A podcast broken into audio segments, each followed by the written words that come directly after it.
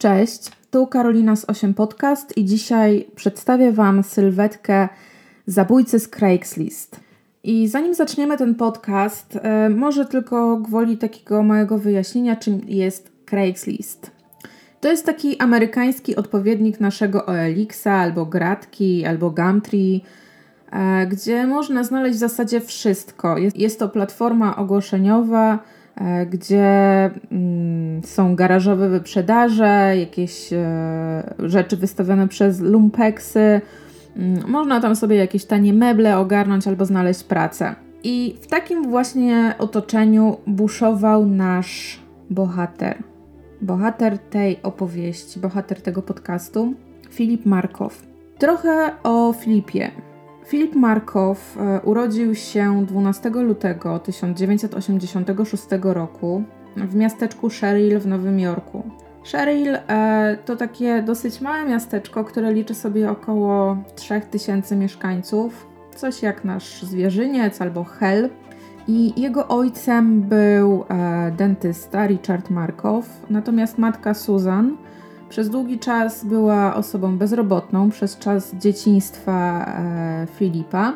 Natomiast miała takie hobby, że kolekcjonowała lalki. Kiedy Filip już podrósł, ona znalazła pracę w sklepie z pamiątkami e, w Turning Store Resort w Kasynie. I sprzedaje tam e, aspirynę, jakieś takie drobiazgi, wodę do picia, nadal tam pracuje.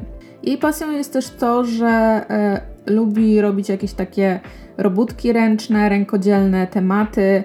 I kiedy Filip był w pierwszej klasie e, szkoły podstawowej, ona zrobiła pudełka na chusteczki e, dla całej jego klasy. Także miała taki dryg w rękach.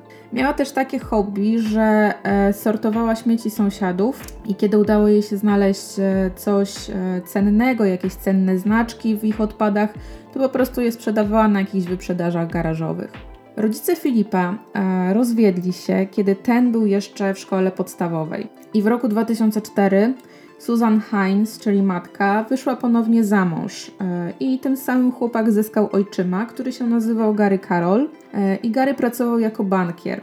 E, po jakimś czasie, kiedy Filip miał 5 lat, w roku 91 w rodzinie pojawiła się siostra, wspólna córka Garego i Susan. Siostra miała na imię Hayley. I jego starszy brat, starszy brat e, Filipa, John, przeprowadził się z ojcem E, i mieszkał z nim razem w Syracuse. No i biologiczny ojciec e, Filipa ponownie wyszedł za mąż, natomiast tutaj o tej części rodziny nie mam żadnych informacji. Jeśli chodzi o opowieści sąsiadów i o, o tym, jak e, postrzegali rodzinę Markowów, z opowieści sąsiadów wynika, że rodzina od czasu do czasu uczestniczyła razem w nabożeństwach w kościele rzymskokatolickim świętej Heleny w Sherrill, chociaż Karol i Hayley częściej po prostu tam przychodziły same. Według opowieści sąsiadów, Filip e, wychowywał się w normalnej, ale nieco zdystansowanej e, i cichej rodzinie. Ci, którzy pamiętali Filipa jako dziecko, opisywali go również jako dobrze wychowanego.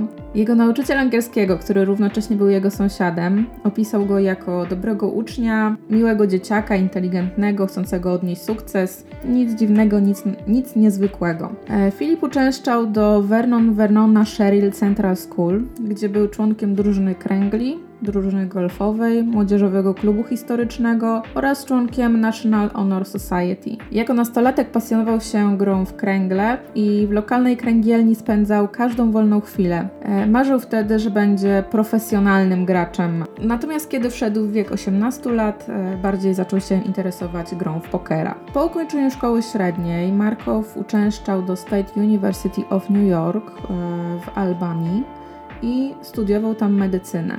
Z kolei tutaj e, znajomi ze studiów opisywali go jako chłopaka mającego takie dość tradycyjne zdanie o roli mężczyzny i kobiety w społeczeństwie. Czyli mężczyzna to głowa domu, zapewnia byt, natomiast kobieta wychowuje dzieci no i ogarnia cały dom. E, mówili też o nim, że potrafił spędzić cały dzień przed komputerem, niewiele odpowiadał o swojej rodzinie. Należał do Phi Delta Epsilon, czyli e, bractwa medycznego, które było koedukacyjne. Zachowywał się dość dziwacznie. Opowiadał dziewczynom, że e, boi się, że obleje egzaminy, po czym te koleżanki e, zostały przymuszane przez niego, żeby go uczyły przez kilka godzin, a on potem zdawał egzaminy bez problemów. Nigdy nie patrzył na osobę, z którą rozmawiał i według jednej z koleżanek z zajęć biologii Często wyglądał na zmęczonego i takiego dość przygnębionego e, człowieka, który jest wiecznie w pesymistycznym nastroju. Natomiast ta koleżanka powiedziała o swoich odczuciach kilku osobom, ale nikt się tym nie przejął. Nie spotykał się też z żadną dziewczyną, dopóki nie poznał Megan McAllister. Megan była dwa lata od niego starsza i kiedy się poznali, Filip był studentem drugiego roku. Oboje zaczęli się mieć e, nieco bardziej ku sobie, kiedy wpadli na siebie podczas pracy ochotniczej w pobliskim pogotowiu Centrum Medycznego w Albanii. Ich pierwsza randka miała miejsce kilka miesięcy później i było to dokładnie 11 listopada 2005 roku. E, para zaręczyła się 3 lata później, a ślub został zaplanowany na 14 sierpnia 2009 roku. Megan skupiła całe swoje siły i całą energię na planowaniu tego ślubu, ponieważ wszystko miało być pierwszej klasy i w spisie prezentów ślubnych wymieniła e, głównie drogie marki, porcelany, srebra, kryształy. Mieli wziąć wielki bajkowy ślub. Taki, było, taki był plan. Będzie ślub na plaży New Jersey w pobliżu jej rodzinnego miasta. Megan pochodziła z Little Silver. Na ich ślubnej stronie internetowej opisano bardzo szczegółowo ich czteroletni romans, także stąd znam te wszystkie daty łącznie z, pierwszym, z pierwszą prawdziwą randką. W tym szczegółowym spisie był, było też właśnie ich pierwsze spotkanie jako wolontariuszy, jego oświadczyny na plaży w Maine, po prostu wszystko w najdrobniejszych detalach. Na ślubie miał grać zespół coverowy Springsteen i B Street Band. Suknia McAllister, podobnie jak sukienki Druchen, były autorstwa Very Wang i zostały odpowiednio wcześniej zakupione. Natomiast im bliższa była data ślubu, e, tym różnice w ich pochodzeniu stały się bardziej widoczne. Ponieważ Markow pochodził ze świata, w którym zapiekanka z mikrofalówki to był najlepszy pomysł na niedzielny obiad, no a w świecie Megan taki posiłek nawet nie figurował jako przekąska. I tutaj mm, Filip generalnie zadłużony był na 130 tysięcy dolarów i żył na kredyt, mm, o czym jego narzeczona nie wiedziała. On musiał nawet pożyczać 1400 dolarów miesięcznie, ponieważ tyle płacili za wynajem mieszkania. I mieszkanie to, apartament z jedną sypialnią, znajdował się na High Point w Quincy, w ekskluzywnym kompleksie e, budynków z basenem, klubem, który umożliwiał spotkania towarzyskie. Natomiast Markow nie spędzał dużo czasu nawiązując znajomości i kilku sąsiadów mówiło, że generalnie rzadko bywał w domu. A kiedy już bywał i gdzieś tam się spotkali na klatce, to szybko się witał, e, no i zamykał za sobą drzwi. Po prostu jakoś nie garnął się do kontaktów socjalnych. Naukę w State University of New York w Albany ukończył w 2007 roku i uzyskał tytuł licencjata z biologii. Jego ciężka praca na studiach opłaciła się i został przyjęty do Boston University School of Medicine, gdzie na 150 miejsc e, złożyło aplikację 11 tysięcy kandydatów. Fantastyczne życie, mógłby ktoś powiedzieć, pomijając to zadłużenie. Świetna praca, e, świetne skończone studia, narzeczona, przyszłość, ślub. No i tutaj niestety sielskie życie Filipa zakończyło się dnia 20 kwietnia 2009 roku, kiedy jadąc razem ze swoją narzeczoną zostaje aresztowany na Interstate 95 Walpole. Jest to droga na południu Bostonu. Mieli oni wtedy przy sobie trochę pieniędzy w gotówce w walizce i byli w trasie do lokalnego kasyna, żeby się tam nieco rozerwać. Natomiast to, czego nie wiedział Markow i to, czego nie wiedziała jego narzeczona, to to, że chłopak był obserwowany przez policję przez kilka dni przed aresztowaniem, a przy zatrzymaniu zostały mu postawione zarzuty morderstwa, rozboju i porwania. Ciężkie zarzuty. Markow był podejrzany o trzy napady. Jeden z tych napadów spowodował śmierć Julisy Brisman. Natomiast jeśli chodzi o pozostałe dwa napady, były to tylko kradzieże, można tak powiedzieć. Ofiarami każdego z tych przestępstw były młode kobiety w wieku do 30 lat. Pierwszą kobietą e, była Trisha Leffler. Ona pracowała jako eskorta, czyli taka dziewczyna dotrzymująca towarzystwa, którą można wynająć za pieniądze. I tutaj sprawca uwięził ją, zakneblował, ukradł pistolet yy, i wszystko miało miejsce 10 kwietnia 2009 roku. Zajście to miało miejsce w hotelu Westin Copley Place w Bostonie, Massachusetts. E, był to dosyć ekskluzywny hotel. To tylko tak gwoli wyjaśnienia. Drugą zbrodnią dokonaną na Julisie Brisman, e, ta kobieta opublikowała na portalu Craigslist reklamę online oferującą usługi masażu takiego masażu dla dorosłych. I Julisa została znaleziona martwa we wtorek, 14 kwietnia 2009 roku w Copley Marriott, tak samo w Bostonie. I trzecią osobą była Corinne Stout. Była to tancerka egzotyczna. Ona oferowała usługi lap dance. To jest taki taniec, w którym kobieta zazwyczaj tańczy na kolanach mężczyznę, ociera się o niego, wykonując wężowe ruchy. E, ona z kolei padła ofiarą próby rabunku w czwartek 16 kwietnia 2009 roku i zdarzenie miało miejsce w Holiday Inn Express Warwick na Rhode Island. Funkcjonariusze policji podejrzewali, że wszystkie trzy napady zostały popełnione przez tę samą osobę.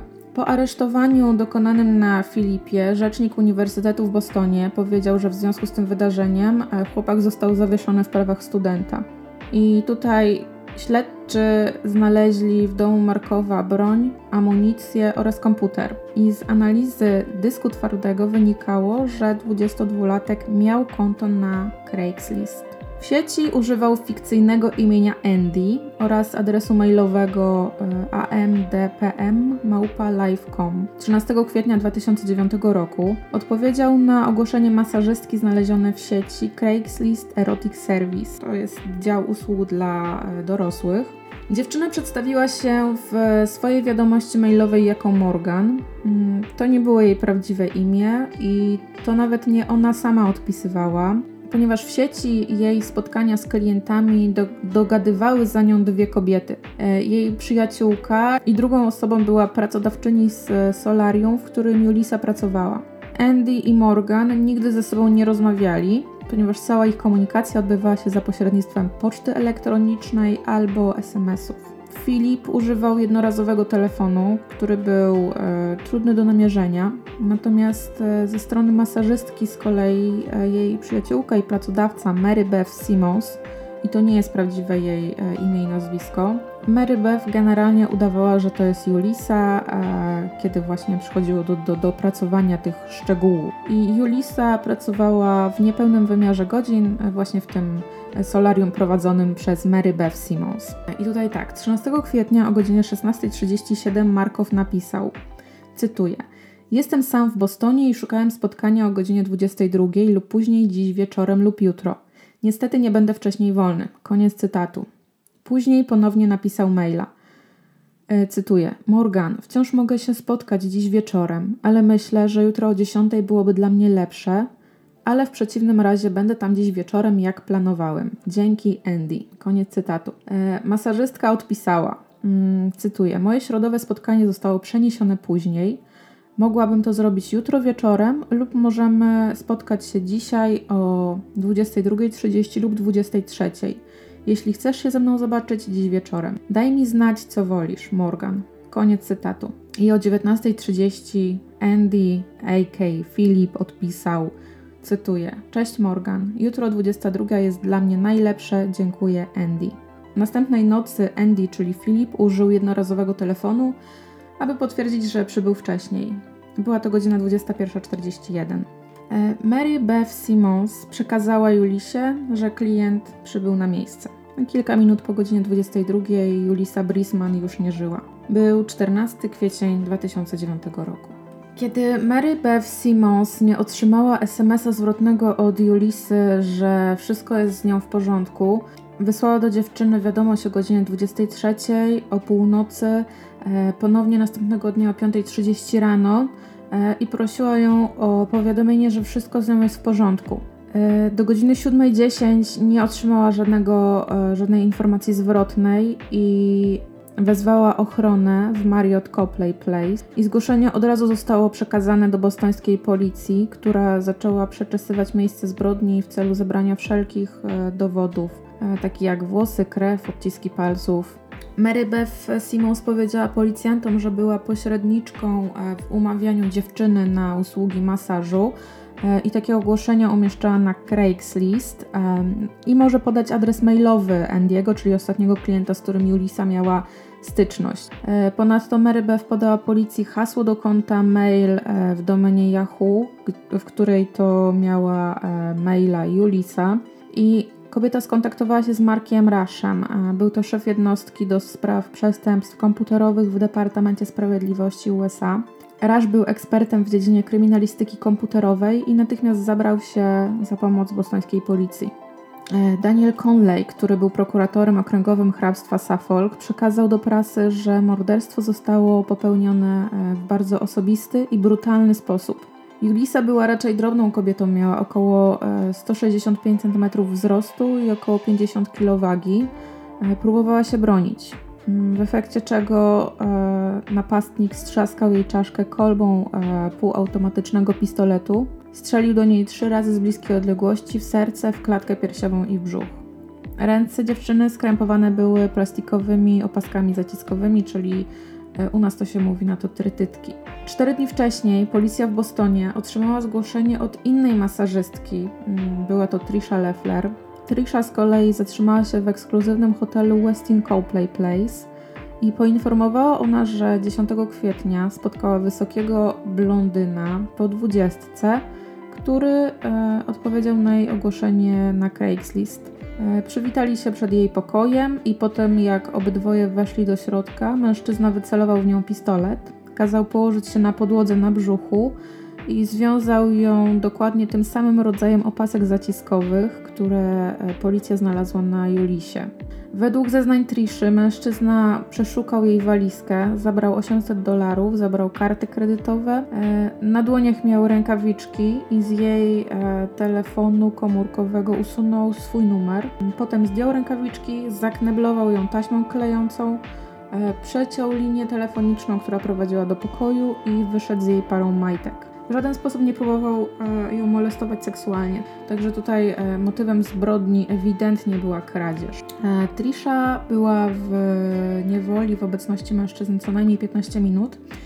E, i wiele z jej, e, i wiele ze sprawy przeciwko Markowowi opierało się właśnie na jej zeznaniach jako pierwszej ofiary. Dwa dni po zabójstwie Julisy w Warwick, 40 e, mil od Bostonu, Cynthia Melton, stripteaserka, reklamowała swoje usługi na Craigslist. Umówiła się na spotkanie z mężczyzną, którego poznała przez sekcję usługi dla dorosłych w Warwick Holiday Inn Express. To jest jakiś hotel, z tego co udało mi się wygooglać.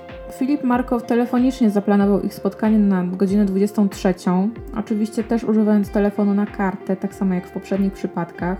I kiedy wszedł do pokoju kobiety, wyciągnął pistolet, kazał położyć jej się twarzą do ziemi na podłodze, związał ją tymi samymi opaskami zaciskowymi co poprzednie ofiary, próbował ją uciszyć, kneblując buzię gagbalem. I gagbal to jest taka kulka z wiązaniami z tyłu głowy, której się po prostu nie da wypluć ani w żaden sposób wyciągnąć, jeśli ręce są e, związane. Cynthia opisała mężczyznę jako wysokiego, młodego blondyna, e, noszącego czapkę baseballową na głowie, e, wysokiego, na około 6 stóp i około 200 funtów wagi. Był tak zdenerwowany do tego stopnia, że cały się trząsł, kiedy grzebał w pokoju, szukając gotówki i jej kart kredytowych. Kobieta zeznała też, że mówił do niej, żeby się nie martwiła, bo nie zamierza ją zabić. Chciał tylko dostać pieniądze. I w tym momencie mąż Cynthia zapukał do pokoju. I według pary, kiedy napastnik wycelował w męża Cynthia pistolet, Kif instynktownie zaczął iść do tyłu korytarza i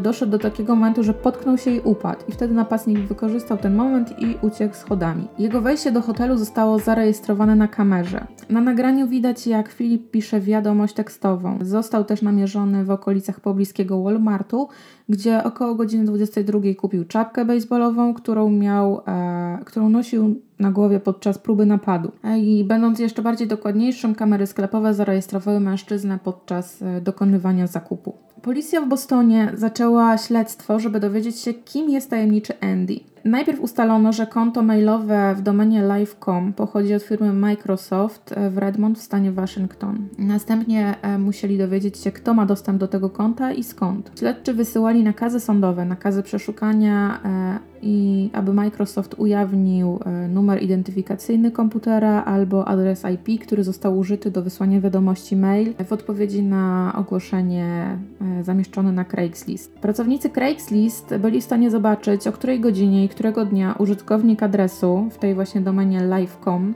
odpowiedział na każdy z postów. Policja przeszukała też bardzo dokładnie taśmy hotelowego monitoringu, żeby zobaczyć, kogo zarejestrowały tuż po zabójstwie. Telefon Mary Beth e, i jej SMS-y do Julisy tuż przed spotkaniem z zabójcą, który dotarł do masażystki, sprecyzowały czas dokonania zbrodni. I na taśmach z kamer widać, że po zabiciu Julisy e, pojawia się wysoki, biały blondyn, e, mężczyzna, który bardzo pasuje do opisu Triszy, tej pierwszej ofiary. Policja otrzymała też e, informacje, jakie podał użytkownik konta AMDPM małpa live.com, czyli tego konta, którego używał Filip. W momencie, kiedy to konto zostało utworzone, dostali też adres IP, adres ID komputera użytego do tworzenia i okazało się, że konto mailowe było kontem jednorazowym utworzone było dzień lub dwa dni wcześniej, wyłącznie właśnie w celu nawiązania e, kontaktu z kobietami. E, no ale jednak wciąż nie było wiadomo, kto wysyła wiadomości. W międzyczasie policja uzyskała informacje od dostawcy usług internetowych, o fizycznej lokalizacji adresu IP i adres ten wskazywał na 8 High Point Circle e, w, na przedmieściach Bostonu. Adres IP był powiązany z routerem bezprzewodowym, więc na dobrą sprawę każdy w budynku mógł e, tego adresu używać. Natomiast bostońska policja poszła jednak dalej i skierowała pismo do Facebooka i Google o pomoc w dostępie do danych użytkownika o danym adresie. I w swoim piśmie poprosili oni o udostępnienie masy danych, e, które można wyciągnąć z naszego profilu na Facebooku. I to pismo oraz to, co policja bostońska otrzymała z powrotem, postaram się Wam podlinkować w opisie filmu, ponieważ jest tego tak naprawdę bardzo dużo. I tutaj wracamy do zatrzymania Filipa i Megan w drodze do Foxwood, czyli tego kasyna w Connecticut. Kobieta myślała, że zostali oni zatrzymani za przekroczenie prędkości, więc kiedy usłyszała zarzuty, y, myślę, że na pewno mocno zbladła. Mm, jak policja później ustaliła, kobieta w ogóle nie wiedziała nic o zbrodniach dokonywanych przez narzeczonego, e, ponieważ kiedy one się dokonywały, ona nawet nie była wtedy w mieście. E, Filip miał przy sobie około 1600 dolarów w gotówce i gdyby dotarł do kasyna, to byłaby to jego 19 wizyta w Foxwood e, w przeciągu 4,5 miesiąca. Natomiast jego pierwsza wizyta została odnotowana na 8 grudnia 2008 roku. I dlaczego on bywał tam tak często? Ponieważ e, kasyno miało swój system punktowy, który nazywał się Vampum albo możliwe, że była to jakaś karta lojalnościowa, coś takiego dla osób, które często odwiedzały to kasyno i w związku z tymi częstymi wizytami i częstymi grami były przyznawane różne profity. E, obecność Filipa została też udokumentowana e, wczesnym wieczorem 16 kwietnia w noc zaatakowania Cindy Melton, czyli właśnie w tym kasynie. Śledczy przeszukali mieszkanie Markowa i znaleźli tam pistolet, który był użyty do zastrzelenia Julisy Brisman, E, był to półautomat Springfield Armory XD9, mm, to jest ta specyfikacja broni. Był ukryty w wydrążonej kopii podręcznika medycznego. Mm, znaleźli też plastikowe opaski zaciskowe użyte we wszystkich trzech przestępstwach. I w tym półautomacie brakowało tyle pocisków, ile e, zostało usuniętych z ciał Julisy. Śledczy znaleźli też cztery pary majtek kobiecych, które zostały upchnięte po dwie pary E, w skarpetki i te skarpetki zostały ukryte w łóżku pary. E, znaleźli też kilka telefonów na kartę, znaleźli laptopa, tak jak wspomniałam wcześniej, i z dysku twardego odzyskali część odpowiedzi na ogłoszenia umieszczone na Craigslist i znaleźli też oni 45 rachunków, każdy na 100 dolarów. E, kiedy Markow został aresztowany, miał przy sobie prawo jazdy na nazwisko i dane Andrew Millera. E, prawo jazdy to zostało wydane w stanie New York. Natomiast po śledztwie okazało się, że mężczyzna według e, policji nie miał nic wspólnego z żadnym przestępstwem dokonanym przez Markowa. E, policja potwierdziła też, że odciski palców Markowa znajdują się na dokumentach zakupu broni, którą to broń kupił pod koniec lutego 2008 roku. E, jego odciski znaleziono też na taśmie, której użył do zakneblowania ust Triszy Leffler. I odciski te pasowały też do tych e, ściągniętych ze ściany w pokoju hotelowym, w którym e, mieszkała Cynthia Melton. Trisha Leffler na podstawie zdjęć przesłanych policji przez szkołę medyczną w Bostonie e, pozytywnie zidentyfikowała Markowa jako napastnika. 21 kwietnia 2009 roku Filip Markow został oskarżony o morderstwo, rozboje i porwanie. Nie przyznał się on do winy. Na sali sądowej nie było nikogo z jego rodziny. Był pod obserwacją psychiatryczną przez pierwsze 48 godzin, ponieważ próbował się powiesić na sznurówkach własnych butów. Natomiast e, psychiatra odmówił wysłania go do stanowego szpitala psychiatrycznego. Narzeczona Filipa na wieść o skazaniu go zareagowała bardzo emocjonalnie. Mm, wysłała maila do magazynu e, People o treści. Filip jest pięknym mężczyzną wewnątrz i na zewnątrz. Nie popełnił tej zbrodni. Niestety ktoś inny to zrobił i należy go ukarać. Filip został wrobiony. Koniec cytatu. Stacja ABC News otrzymała podobny mail i tutaj cytuję treść. Funkcjonariusz lub funkcjonariusze policji w Bostonie stara, starają się zarabiać, sprzedając tę fałszywą historię stacjom telewizyjnym. Co jeszcze nowego? Filip jest inteligentnym człowiekiem, który stara się po prostu przeżyć swoje życie, więc gdybyście mogli nas zostawić w spokoju, bardzo byśmy to docenili. Oczekujemy, że weźmiemy ślub w sierpniu i wspólnie będziemy żyć cudownie, długo i szczęśliwie.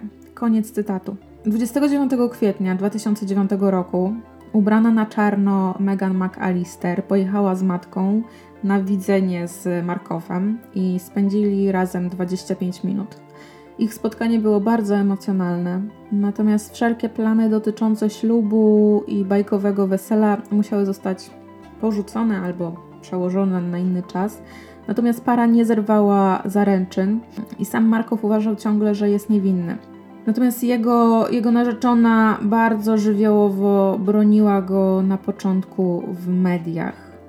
I teraz jeśli chodzi o zakup broni. W lutym, e, wtedy kiedy dokonał tego zakupu, jego narzeczona miała jakiś zabieg, operację na plecach i Markow właśnie wykorzystał ten czas e, jako ten czas na zakup broni. Mimo, że para spotykała się przez 4 lata, ich rodziny praktycznie wcale się nie znały. Druchny Megan w ogóle nigdy nie spotkały przyszłego pana młodego. Natomiast ogólnie według bliskich znajomych Megan uważała Filipa za e, genialnego mężczyznę, nie martwiła się o jego częste wizyty w kasynie, mm, a nawet o to, że e, uprawiał bardzo intensywnie hazard e, i robił to też podczas egzaminów. Wychodziła z założenia, że dopóki sobie radził, to wszystko jest w porządku. 11 czerwca Megan pojawiła się przed wielką ławą przysięgłych i skorzystała też z tej okazji, żeby odwiedzić Filipa ponownie w więzieniu. Mm, powiedziała mu, że nie planuje wrócić do Bostonu i że raczej nieprędko się ponownie zobaczą.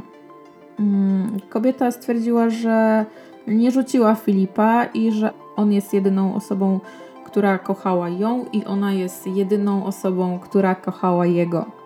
E, uważała, że każde z nich było swoją pierwszą miłością życia. E, zachwycała się bardzo bardzo Markowem, jego inteligencją, jego całokształtem e, i widziała go jako uosobienie wszelkich cech męskich. E, pod koniec kwietnia, tydzień po aresztowaniu Markowa, Jeff Rosen z NBC News opowiedział w telewizyjnym programie Today o tym, jak Markow umówił spotkanie z transwestytą w Bostonie. I miał to wydźwięk taki, że Markow miał bardzo dziki, szalony i szeroki gust. Nie skupiał się tylko na masażystkach i tancerkach. E, podczas korespondencji mail mm, wymienili zdjęcia, w tym jedno zdjęcie Markowa z linijką pokazującą 8 cali. Tak to zostało zdradzone w tym programie. Natomiast zdjęcia tego niestety nie można było wyświetlić w telewizji krajowej. I źródła policyjne potwierdziły e, dla telewizji NBC, że dysk twardy komputera e, zawierał też wiadomości do transwestytów i od transwestytów. Wiadomości te wymieniał rok wcześniej i na te cele utworzył inny adres mailowy. Sam Markow publicznie widziany był ostatnio podczas ogłoszenia werdyktu oskarżenia 22 czerwca 2009 roku w sądzie okręgowym hrabstwa Suffolk w centrum Bostonu. I tutaj podczas ogłaszania wyniku na sali sądowej obecni byli rodzice zamordowanej Julisy Brisman, matka Carmen Guzman, nie mówi po angielsku, nie mówiła po angielsku, miała ze sobą e, przyjaciela i tłumacza. Był także ojciec Julisy Hector. Oboje rodzice Julisy są e, imigrantami z Dominikany. Jej matka była tam lekarzem i sama pochodziła z rodziny lekarzy, ale nigdy nie nauczyła się wystarczająco angielskiego, żeby uzyskać licencję na praktykę lekarską. Przybyła do Bostonu, e, żeby, tak jak powiedziała, cytuję, aby zobaczyć sprawiedliwość dla mojej córki. Koniec cytatu. E, w oświadczeniu czytanym przez rzecznika rodziny nazwała Julisę, ponownie cytuję, światłem naszego życia. Była także studentką koledżu, która ukończyłaby w maju studia z zakresu poradnictwa. Koniec cytatu. Oskarżony Filip Markow ani razu nie spojrzał w ich kierunku i przez cały czas, gdy czytano listę jego rzekomych zbrodni, patrzył się w ziemię. Następnie zwrócił się do sędziego i głośno oświadczył, że jest niewinny. Proces Markowa był wyznaczony na marzec 2011 roku. W międzyczasie jeden z kolegów ze studiów założył na Facebooku stronę e, Filip Markow jest niewinny, dopóki nie zostanie mu to udowodnione. W wolnym tłumaczeniu oczywiście. Grupa ta już nie jest dostępna na Facebooku. Markow miał wyznaczonego przez sąd prawnika obrony kryminalnej Johna Salzberga i został mu ten prawnik przydzielony, ponieważ rodzice odmówili Markowowi pomocy finansowej. Tak jak wspomniałam wcześniej, jest on winien ponad 130 tysięcy dolarów z pożyczek studenckich, no i nie ma pracy. E, władze w dużej mierze odrzucają tutaj powszechne, powszechnie zgłaszane przekonanie, że długi hazardowe mogły wpędzić właśnie Markowa w kłopoty i spowodować to, że mm, posunął się do, do tych zbrodni. E, rodzina Julisy nie przyjmuje do wiadomości, że ich córka była pracownicą, która świadczyła usługi dla dorosłych. Matka ostatni raz usłyszała e, jakieś wieści od córki o godzinie 20.30 w nocy jej śmierci. I Julisa podekscytowana powiedziała matce, że poznała studenta medycyny i że zamierza się z nim umówić na randkę. E, matka, tutaj cytuję, powiedziała mi jej, żeby nikomu nie ufała, nikomu. Koniec cytatu. Wiadomości tekstowe e, Julisy tego dnia do Mary Beth Simmons e, są obecnie w posiadaniu władz te wiadomości. Pokazują, że mm, rzeczywiście Julisa spotkała studenta medycyny Uniwersytetu w Bostonie w pociągu do Bostonu. Natomiast nie był to Filip Markow i policja ustaliła też, że chłopak ten nie miał nic wspólnego z przestępstwem. Matka twierdzi też, że nie wiedziała, że Julisa reklamuje się na Craigslist e, i cytuję: Powiedziała mi, że pracowała w solarium i wyjeżdżała z miasta, aby pomóc w szkoleniu dziewczyn w nowym biznesie. Koniec cytatu. To, co jest przykre, to to, że Julisa została zabita 10 dni przed swoimi kolejnymi 26 e, urodzinami mm, i dwa tygodnie przed ukończeniem rocznego kursu poradnictwa na temat uzależnień e, w City College w Nowym Jorku. Tym, co skłoniło ją do mm, podjęcia tego kursu, były jej własne ataki alkoholizmu i co najmniej dwa te ataki zakończyły się e, jej wizytą w szpitalu. A po prawie roku trzeźwości dziewczyna regularnie uczęszczała na spotkania AA i chciała pomóc innym, e, szczególnie młodym kobietom, e, aby przezwyciężyły tę chorobę. W listopadzie 2009 roku prokuratorzy skłonili Craigslist do zaostrzenia swoich przepisów i Craigslist miało wymagać działającego telefonu stacjonarnego, telefonu komórkowego, ważnej aktualnej karty kredytowej, adresu mail, e, adresu IP, adresu, który można przypisać do konkretnej osoby mm, od wszystkich osób, które publikowały posty w usługach erotycznych. W maju 2010 roku Craigslist z kolei e, ogłosiło, że eliminuje kategorię usług seksualnych w USA tylko w USA, czyli ta kategoria jest wciąż dostępna, czy wtedy była dostępna w 50 krajach za granicą. E, I ta kategoria została wyeliminowana na rzecz kategorii usług dla dorosłych. Każde ogłoszenie dodawane w tej kategorii jest sprawdzane ręcznie, żeby upewnić się, że ludzki recenzent, jak to zostało e, określone, każdą reklamę i zdjęcie przeczyta, zobaczy każde słowo i porówna to ze wskazówkami dotyczącymi publikowania. Firma stosuje też oprogramowanie do filtrowania treści, które na początku ma wykrywać wiele naruszeń. Co do samego Filipa Markowa, e, kilkakrotnie próbował popełnić samobójstwo w więzieniu. Pierwsza próba samobójcza miała miejsce około 2-3 dni po aresztowaniu. Markow próbował podciąć sobie nadgarstki metalową ząbkowaną łyżką. Drugi raz e, po rozstaniu z narzeczoną e, i trzeci raz w dniu, w którym miał odbyć się jego ślub. Ostatecznie udało mu się z sukcesem odebrać sobie życie 15 sierpnia 2010 roku prawie w rocznicę e, ślubu, gdyby on się odbył. Mężczyzna został znaleziony martwy w swojej celi. Użył do odebrania sobie życia noża wykonanego z długopisu i kawałka metalu. Przeciął sobie tym nożem tętnicę na nogach, w okolicy kostek e, i na szyi. Połknął też papier toaletowy, żeby nie można było go reanimować, a na głowie miał zaciśniętą plastikową torbę i, obwiązane, i obwiązaną wokół szyi gazą. Był też dodatkowo cały przykryty kocem i na drzwiach celi napisał imię swojej byłej narzeczonej krwią, a po pomieszczeniu rozrzucił ich wspólne zdjęcia. Mm, nie zostawił żadnego listu pożegnalnego. Prokurator powiedział, że samobójstwo e, było ogromną niesprawiedliwością wobec rodziny mm, Julisy. Tak jak powiedziałam wcześniej, na marzec 2011 roku e, była wyznaczona data rozprawy Filipa. Prokuratura też zastanawiała się, czy samobójstwo Markowa było ostatecznym dowodem jego winy. 31 marca 2011 roku prokuratura okręgowa hrabstwa Suffolk opublikowała dowody na temat Markowa i w zestawie była para brązowych skórzanych butów, które nosił w chwili aresztowania mm, i na butach znaleziono krew Julisy. E, dowody obejmowały też znalezione wcześniej e, wydrążoną książkę medyczną, e, w której ukryta była broń, naboje, nóż, bieliznę ofiar, obciążające maile, telefony jednorazowe. Prokuratorzy powiedzieli, że dowody zebrane potwierdzają w 100% winę Markowa. Ujawniono także wywiad przeprowadzony przez detektywa z Markowem w dniu jego aresztowania, gdzie słyszymy, że Markow zaprzecza jakiejkolwiek wiedzy o przestępstwach. Cytuję: Nie wiązałem nikogo i nie rabowałem. Naprawdę nie wiem, o czym mówisz. Koniec cytatu. I następnie poprosił on o adwokata. Przesłuchanie z Markowem i z jego narzeczoną jest e, dostępne na YouTubie i też postaram się je podlinkować w opisie filmu. Sprawa Filipa jest e, tematem książki Seven Days of Rage e, The Deadly Crime Spree of the Craigslist Killer. Autorem tej książki jest Paul LaRosa.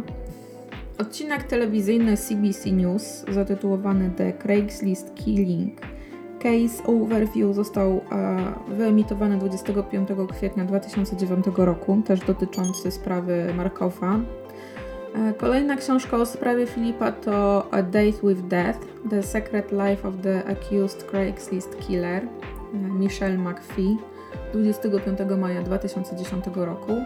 I stacja Lifetime Network 3 stycznia 2011 e, nakręciła film, który jest oparty na książce McPhee, czyli tej wymienionej przeze mnie wcześniej.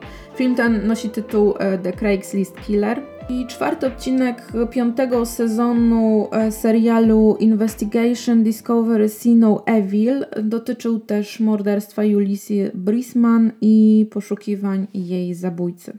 I to tyle, jeśli chodzi o sprawę Filipa Markowa. Narzeczona Markowa z początku bardzo żywiołowo i bardzo ostro, niczym lwica go broniła, natomiast po jakimś czasie przestała i urwała kontakt e, z samym Filipem.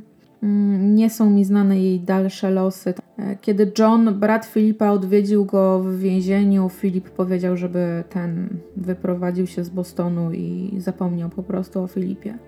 Googlając w internecie, e, udało mi się jeszcze wyszukać kilka osób, które zostały opisane jako The Craigslist Killer, więc e, mam, myślę, że przedstawię mm, sylwetki tych, tych morderców.